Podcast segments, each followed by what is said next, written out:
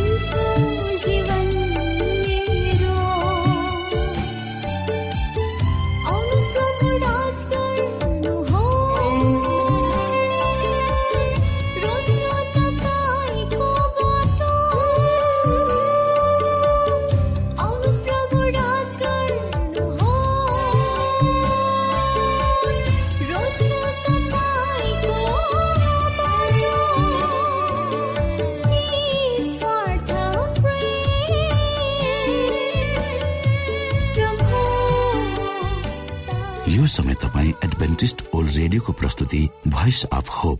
आशाको बाणी कार्यक्रम सुन्दै हुनुहुन्छ। श्रोता मित्र यो समय हामी पास्टर उमेश पोखरेलबाट आजको बाइबल सन्देश सुन्नेछौ। श्रोत साथी न्यानो अभिवादन साथ म तपाईँको आफ्नै आफन्त अर्थ पास्टर उमेश कुमार पोखरेल परमेश्वरको वचन लिएर यो रेडियो कार्यक्रम मार्फत तपाईँहरूको बिचमा पुनः उपस्थित भएको छु। श्रोता मलाई आशा छ तपाईँका जीवनका सबै पक्षहरू ठिकठाकसँग अगाडि बढ्दैछन्। तपाईँले परमेश्वर को हुनुहुन्छ भनेर आफ्नै जीवनद्वारा अनुभव गर्दै हुनुहुन्छ। श्रोता आउनुहोस् आजको प्रस्तुतिलाई भन्दा पहिले म परमेश्वरमा अगुवाईको लागि बिन्ती राख्नेछु। जीवी जिउँदो महान दयालु परमेश्वर प्रभु यो कार्यक्रमलाई म तपाईँको चरणमा राख्छु। यसलाई तपाईँको राज्य र महिमाको प्रचारको खातिर तपाईँले सारा संसारमा पुर्याउनुहोस् ताकि धेरै मानिसहरू जो अन्धकारमा हुनुहुन्छ जसले जीवनको अर्थ बुझ्नु भएको छैन बुझ्न नसकेर संसारमा भौतारिरहनु भएको छ उहाँहरूलाई तपाईँको ज्योतिमा ल्याउनुहोस् सबै बिन्ती प्रभु यीशुको नाममा आमेन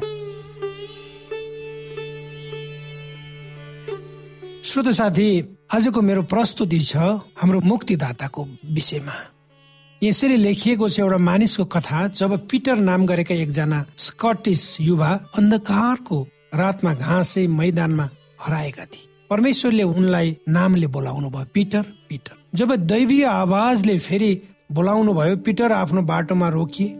तल हेरे र आफूलाई निर्जन चुन ढुङ्गाको खानीबाट खस्नबाट केही कदम मात्र टाढा रहेको पाए। अर्थात् पिटर भन्ने एउटा स्कटिस युवा अन्धकारमा एउटा घाँसे मैदानमा अलमलिएका थिए। र उनीलाई परमेश्वरले बीचमा बोलाउनु भयो र उनी टक्क अडिए। यदि उनी दुई कदम अगाडि बढेका थिए भने उनी ठुलो एउटा चट्टानबाट तल झर्ने थिए। श्रोत साथी हामी प्रत्येकलाई परमेश्वरले बोलाउनु हुन्छ हाम्रो नाउँले बोलाउनु हुन्छ अर्थात् तपाईँ र मलाई परमेश्वरले हाम्रो नाउँ काटेर बोलाउनु भए कति राम्रो हुन्थ्यो भन्ने लाग्दैन र? यदि हामी उहाँसँग निकट साथी वा मिल्ने साथीको रूपमा साँच्चै सँगसँगै बस्ने र हाम्रा सङ्घर्ष र सपनाहरूका बारेमा लामो कुराकानी गर्न पाए कति राम्रो हुँदो हो होइन त? तपाईँलाई लाग्दैन थियो? चाहे तपाईँले विश्वास गर्नुहोस् वा नगर्नुहोस् यसोसँग यस्तो शक्ति छ असीमित पहुँच छ। हामीले उहाँलाई देख्न नसकौँला छुन नसकौँला। तर हामीले उहाँमाथि विश्वास गर्यौँ भने हामी उहाँसँग नजिक आउन सक्छौँ। लाग्दछ हाम्रो सहरमा हाम्रो गाउँमा यदि यसो आउनु भयो भने उहाँलाई मानिसले देखे भने मानिसहरू उहाँलाई हेर्न तछाड मछाड गर्ने थियो होला। र हामीलाई लाग्दो हो यदि हामीले प्रत्यक्ष रूपमा यसुलाई भेटेर आफ्ना कुराकानीहरू गर्न पायौँ आफ्ना दुःख कष्टका कुराहरू बिसाउन पायौँ भने कति आनन्ददायक हुन्थ्यो होला श्रोता क्रिस्टले हामी हरेकसँग व्यक्तिसँग सम्बन्ध निर्माण गर्न चाहनुहुन्छ। वा प्रभु यीशु क्रिस्टको लागि हामी सबै मानिसहरू समान हो र सबैलाई उहाँले समान रूपमा हेर्नुहुन्छ र समान रूपमा उहाँले सबैमाथि प्रेम गर्नुहुन्छ। सबैमाथि समान इच्छा परमेश्वरको छ। उहाँले कसैलाई काखा र कसैलाई पाखा गर्नुहुन्न र कोही मानिस पनि नाश भएको प्रभुले हेर्न चाहनुहुन्न।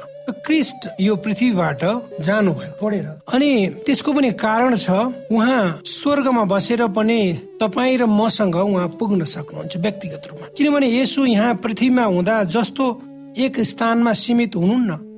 उहाँ अहिले पवित्र आत्मा मार्फत प्रत्येक इच्छुक व्यक्तिको व्यक्तिगत जीवनमा मार्गदर्शन गर्न नजिक हुनुहुन्छ। यसुले आफू स्वर्गको लागि प्रस्थान गर्नु अगाडि उहाँले बाचा गर्नु भएको थियो। म सदा तिम्रो साथैमा रहनेछु युगको अन्त्यसम्म। मत्ती अठाइसको बिसमा हामी हेऱ्यौँ भने अहिले क्रिसले स्वर्गमा के गरिनु भएको छ? जसले गर्दा सधैँ उहाँ तपाईँसँग हुन सक्नुहुन्छ। हामी हिब्रू भन्ने पुस्तक छ त्यसको चार अध्यायको चौधदेखि सोह्र पद पढ्नेछौँ श्रोता। आकाश छिचोलेर जानुभएका परमेश्वरका पुत्र यसु हाम्रा महान प्रधान पुजारी हुनुभएको हुनाले हामीले पक्कासँग स्वीकार गरेको यो विश्वास हामी राखौँ। किनकि हाम्रा प्रधान पुजारी हाम्रो दुर्बलतामा हामीसँग सहानुभूति देखाउन नसक्ने हुनुहुन्न। तर हामी जस्तै उहाँ सबै कुरामा परीक्षित हुनुभयो र पनि पाप रहित हुनुहुन्थ्यो। यसकारण साहससँग अनुग्रहको सिंहासन नजिक जाओ र खाँचोको समयमा सहायता पाउनलाई कृपा र अनुग्रह प्राप्त गर्न सक्छौ श्रोता यसो स्वर्गमा हाम्रो व्यक्तिगत प्रतिनिधिको रूपमा हुनु भएको कुरालाई हामी यहाँ स्मरण गरौँ। अर्थात् यसो स्वर्गमा हुनुहुन्छ र तपाईँ र मेरो उहाँ एक एकको प्रतिनिधित्व उहाँले गरिरहनु भएको छ। अर्थात् हामीलाई हाम्रा कमजोरीहरूमा उहाँले सहानुभूति दिनुहुन्छ। हामीलाई आवश्यकता परेको बेलामा उहाँले सहयोग गर्नुहुन्छ र हाम्रो पक्षमा बसेर स्वर्गमा चाहिँ उहाँले अनुनय विनय गर्दै हुनुहुन्छ। र क्रिसले हामीलाई परमेश्वर सामु डोर्याउन सक्नुहुन्छ डोराउँदै हुनुहुन्छ। हिब्रू दसको दस अध्यायको बाह्र पदले यसो भन्छ तर क्रिसले त पापहरूका निम्ति सदाको लागि एउटै बलिदान चढाउनु भयो अनि उहाँ परमेश्वरको दाहिने बाहुलीतर्फ विराजमान हुनुभयो। जीवित क्रिस जसले हामीलाई बुझ्नुहुन्छ सिंहासनमा परमेश्वरको दाहिने हातको रूपमा व्यक्तिगत प्रतिनिधित्व गर्नुहुन्छ। र हिब्रू दुई अध्यायको सत्रदेखि अठार पद पनि म पढ्छु श्रोता यसै कारण हरेक कुरामा उहाँ आफ्नै भाइहरू जस्तै बनाइनु पर्यो र मानिसहरूका पापको प्रायश्चित गर्नलाई परमेश्वरको सेवामा उहाँ कृपालु र विश्वस्त प्रधान पुजारी बन्नुभयो। किनकि उहाँ आफैले कष्ट भोग्नु भयो र परीक्षित हुनुभयो। यसैले परीक्षामा पर्नेहरूलाई उहाँले सहायता गर्न सक्नुहुन्छ। हाम्रा भाइ जसमा हाम्रा मानवीय गुणहरू छन् हामीलाई जस्तै लालसा लाग्छ। अहिले उहाँ हाम्रा पिताको दाहिने हातको रूपमा उच्च स्थानमा विराजमान हुनुहुन्छ। हामी जस्तै बनाइएका हामीलाई के भइरहेको छ भन्ने उहाँलाई थाहा हुन्छ। उहाँ भोकाउनु तिर्खाउनु प्रलोभनमा पर्नु थकित हुनु भएको छ। उहाँले सहानुभूति र बुझाइको आवश्यकता महसुस गर्नु भएको छ। तर सबैभन्दा मुख्य कुरो यसो हाम्रो उच्च पुजारी हुन योग्य हुनुहुन्छ। किनभने उहाँले हाम्रो पापको लागि प्रायश्चित गर्न आफ्नो जीवन दिनुभयो। उहाँले हाम्रो स्थानमा मरेर हाम्रो पापको लागि मूल्य तिर्नुभयो। सबैतिरका युगौं युगका सम्पूर्ण मानव जातिको लागि यो सुसमाचार शुभ शुभ समाचार हो। हाम्रो बाइबल यही कुरा बताउँछ। र एउटा अनुभव म तपाईँलाई बताउन चाहन्छु। एकजना मानिसले भन्छन् हाम्रो सबैभन्दा सानी छोरी तीन वर्षकी थिइन्। उनको औंला त्यो फोल्डिङ कुर्सीमा च्यापिएर हड्डी नै भाँच्यो। हामी उनलाई हतारिँदै डाक्टर भाइको ठाउँमा लगेपछि उनी ठुलो स्वरले रोइन् र जसले हाम्रो हृदय साँच्चै चुडियो अनि हाम्रो पाँच वर्षीय बच्चालाई त्यसले विशेष तरिकाले छोयो। डाक्टरले आफ्नो बहिनीलाई लागेको चोटको उपचार गरिदिएपछि उनले भनेका शब्दहरू म कहिले बिर्सन सक्? उनी रुँदै कराइन्। ओहो ड्याडी त्यो मेरो औँला भइदिएको भए पनि हुन्थ्यो नि। जब सबै मानवता पापले नाश गरेर र अनन्त रूपमा मर्ने श्राप दिएको थियो यसुले भन्नुभयो हे पिता त्यो म नै भइदिएको भए कस्तो हुन्थ्यो? अनि पिताले यसुलाई क्रुसमा उहाँको चाहना पूर्ति गरिदिनु। हाम्रा मुक्तिदाताले हामीले भोगेको हरेक पीडा अनुभूति गर्नुभएको छ। अझ बढी। श्रोत साथी अर्को कुरा यसो हामीसँगै हुनुहुन्छ भन्ने कुरा पुरानो नियमको सुसमाचार। जब इजरायलका मानिसहरू सिनाई पर्वतको फेदीमा शिविर बनाएर बसे परमेश्वरले मोसालाई तिमीहरूलाई पहाडमा देखाएको ढाँचा अनुसार पूजा गर्ने आश्रय स्थलको निर्माण गर्ने निर्देशन दिनुभयो। लगभग पाँच सय वर्षपछि त्यही आश्रय थलको ठाउँमा राजा सोलोमनले पत्थरको महान मन्दिरको निर्माण गरे र मन्दिर आश्रय थल जस्तै योजनामा बनाइएको। जब परमेश्वरले मोसालाई आफू बस्ने ठाउँ निर्माण गर्न निर्देशन गर्नुहुँदा उहाँले आफ्नो दिमागमा कुन विशिष्ट उद्देश्य राख्नु भएको थियो? त्यसपछि तिनीहरूलाई मेरो लागि वासस्थान बनाउन लगाइदेऊ र म तिनीहरूसँग वरिपरि बस्नेछु। पापले मानव जाति र तिनका सृष्टिकर्ताको बीचमा दुःख लाग्दो दूरी बनायो। वासस्थानमा कसरी परमेश्वर फेरि हामीसँग रहन सक्नुहुन्छ भनेर देखाउने उहाँको तरिका थियो। वासस्थान र पछि मन्दिर पुरानो नियमको समयमा धार्मिक जीवन र प्रार्थनाको केन्द्र बन्यो। हरेक बिहान र साँझ मानिसहरू आश्रय स्थल वरिपरि भेला हुन सक्थे र परमेश्वरको प्रतिज्ञाको दावी गर्दै प्रार्थनाद्वारा परमेश्वरसँग सम्पर्क स्थापना गर्न सक्छ म तिमीहरूलाई भेट्ने छु। पुरानो नियमले नयाँ आदेशले जस्तै मुक्तिदाताको सुसमाचार सिकाउँछ। दुवैले यसु हाम्रो लागि मर्नु भएको र स्वर्गीय वासस्थान ठाउँमा हाम्रो उच्च पुजारीको रूपमा सेवा गरिरहनु भएको कुरा चित्रण गर्दछ। श्रोत साथी प्रभु यीशु हामीसँग हामी जो जस्तो हालतमा किन छौँ जहाँ भए पनि सधैँ हामीसँग हुनुहुन्छ। र यदि तपाईँ हामीले हाम्रा पापहरू स्वीकार गर्यौं भने र परमेश्वरलाई हामीले हृदयदेखि खोज्यौँ भने परमेश्वरले तपाईँ र मेरा पापहरूलाई क्षमा दिन सक्नुहुन्छ र हामीलाई उहाँको नजिकमा ल्याउनुहुन्छ। निर्णय तपाईँको। आजको प्रस्तुति तपाईँलाई कस्तो लाग्यो? यदि तपाईँका कुनै प्रश्न र जिज्ञासाहरू छन् भने हामीलाई हाम्रो सम्पर्कको ठेगानामा लेखेर पठाइदिनु भयो भने हामी आभारी हुने थियौँ। परमेश्वरले तपाईँलाई आशिष दिनुहोस्। आमेन। श्रोता भर्खरै यहाँले पास्टर उमेश पोखरेलबाट बाइबल वचन सुन्नुभयो। यो समय तपाईँ एडभेन्टिस्ट ओल्ड रेडियोको प्रस्तुति भोइस अफ होप आशाको बाणी कार्यक्रम सुन्दै हुनुहुन्छ। कार्यक्रम सुनेर बस्नुहुने सबै श्रोतालाई हामी हाम्रो कार्यक्रममा स्वागत गर्न चाहन्छौ। श्रोता मित्र यदि तपाईँ जीवनदेखि हरेस खानु भएको छ तपाईँका जीवनमा धेरै अनुत्तरित प्रश्नहरू छन् भने आउनुहोस् हामी तपाईँलाई परमेश्वरको ज्योतिमा डोहोर्याउन चाहन्छौ। र तपाईँ आफ्नो जीवनका चिन्ता फिक्रीबाट निश्चिन्त हुनुहोस् र बाँच्नुको आनन्द परमेश्वरको सामिप्यमा कति मिठो हुन्छ त्यो चाख्नुहोस् भनी हामी चाहन्छौँ। श्रोता यदि तपाईँ आशाको बाणी कार्यक्रमलाई अनलाइन सुन्न चाहनुहुन्छ वा डाउनलोड गर्न चाहनुहुन्छ भने डब्लु डट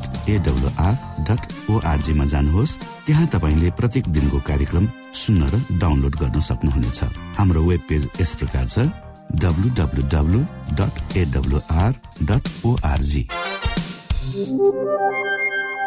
श्रोता यदि तपाईँ हामीसित सिधै फोनमा सम्पर्क गर्न चाहनुहुन्छ भने हाम्रा नम्बरहरू यस प्रकार छन्।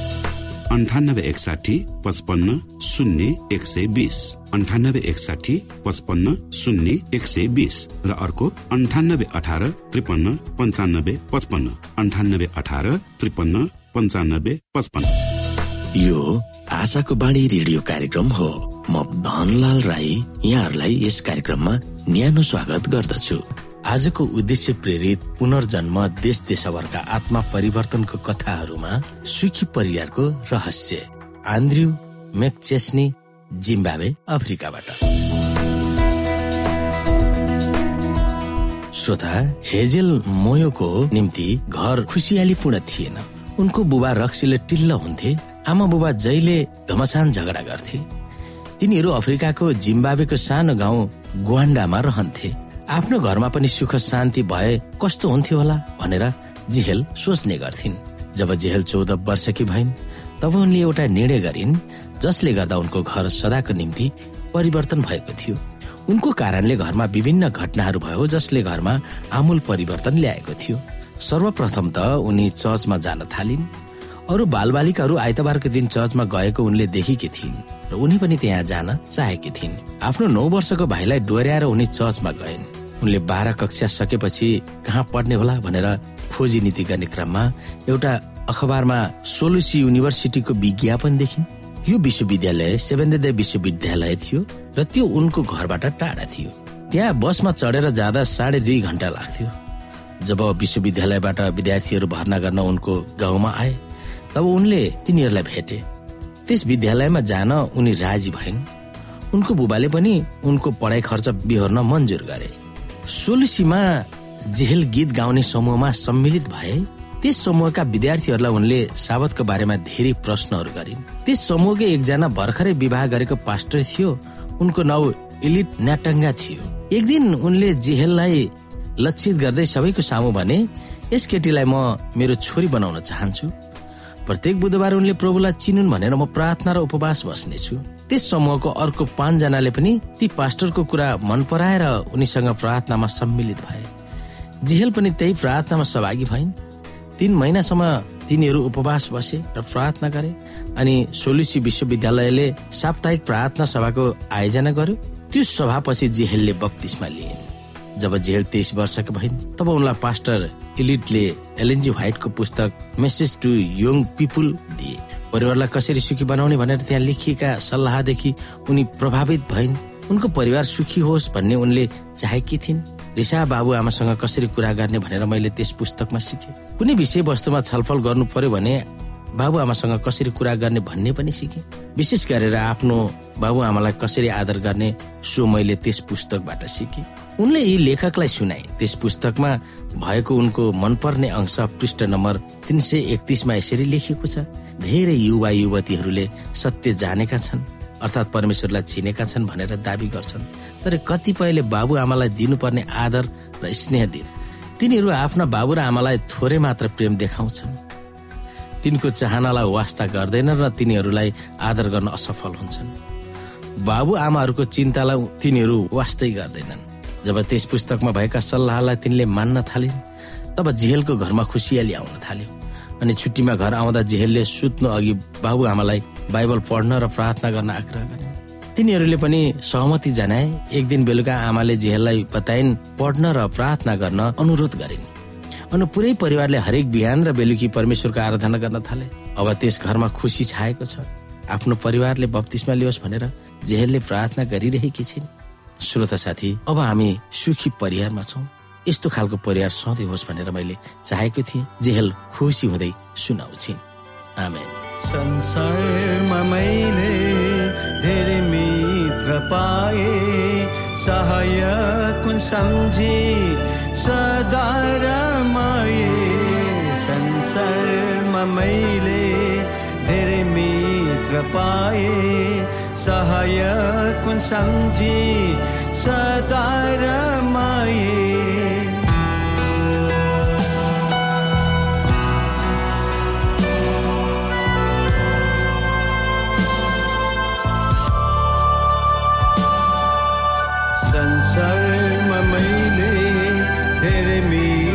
पाए सहायक सम्झी सदा रमाए दुर्दिन आयो चेतौनी बिना।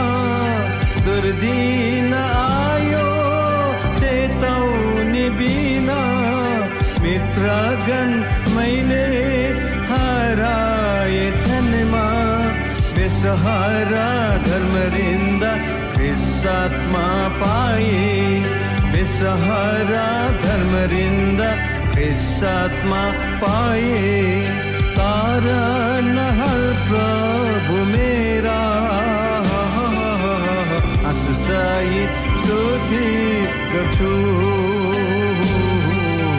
कृतज्ञता प्रदान गर्छु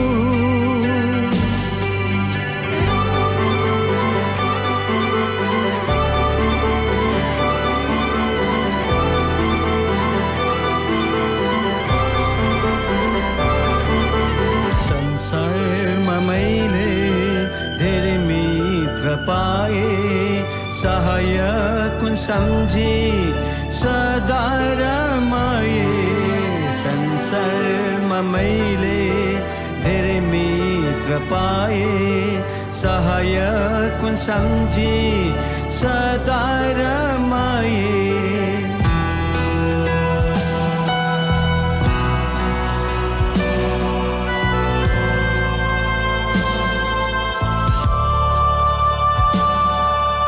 संसर् मैले हेरमी कृपा सहय कुन्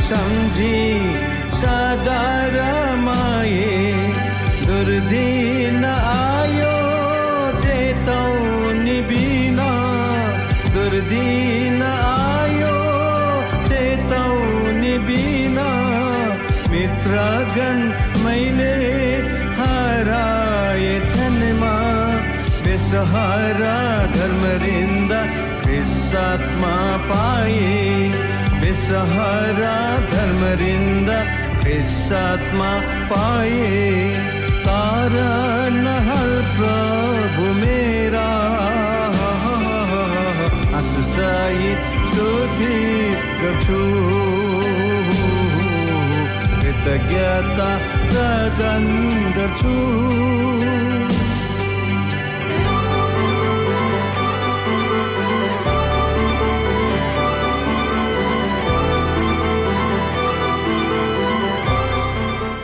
श्रोता घडीको सुईले समय सकिन लागेको संकेत गरिसकेको छ। श्रोतासँग अरू समय बिताउने चाहना हुँदा हुँदै पनि हामीले कार्यक्रमबाट विदा माग्ने समय आइसकेको छ। हाम्रो कार्यक्रमको विषयमा जानकारी लिनको लागि हाम्रो कार्यक्रममा सम्पर्क गर्नका लागि हाम्रो ठेगानाको बारेमा यहाँलाई जानकारी गरौं। आशाको बाणी पोस्ट बक्स नम्बर दुई शून्य शून्य शून्य दुई काठमाडौँ नेपाल। यसै गरी श्रोता यदि तपाईँ हामीसित सिधै फोनमा सम्पर्क गर्न चाहनुहुन्छ भने हाम्रा नम्बरहरू यस प्रकार छन्। अन्ठानब्बे एकसाठी पचपन्न शून्य एक सय बिस। अन्ठानब्बे एकसाठी पचपन्न शून्य एक सय बिस र अर्को अन्ठानब्बे अठार त्रिपन्न पन्चानब्बे पचपन्न। अन्ठानब्बे अठार त्रिपन्न पन्चानब्बे पचपन्न। श्रोता तपाईँ हामीलाई इमेल पनि गर्न सक्नुहुन्छ। हाम्रो इमेल एड्रेस यस प्रकार छ Nepal at AWR dot ORG Nepal at AWR dot ORG यदि तपाईँ हामीलाई अनलाइन सुन्न चाहनुहुन्छ वा डाउनलोड गर्न चाहनुहुन्छ भने तपाईँ W W W dot AWR dot ओआरजीमा जानुहोस् र त्यहाँ तपाईँले हाम्रो सबै कार्यक्रमहरू सुन्न सक्नुहुनेछ। हवस् त श्रोता हाम्रो कार्यक्रम सुनिदिनु भएकोमा एकचोटि फेरि यहाँलाई धन्यवाद दिँदै भोलि फेरि यही स्टेशन र यही समयमा भेट्ने बाजा गर्दै प्राविधिक साथी राजेश र पास्टर उमेश पोखरेल र कार्यक्रम प्रस्तुता म रवि यहाँसँग विदा माग्दछौ। परमेश्वरले तपाईँलाई धेरै धेरै आशिष दिनु भएको होस्। नमस्कार।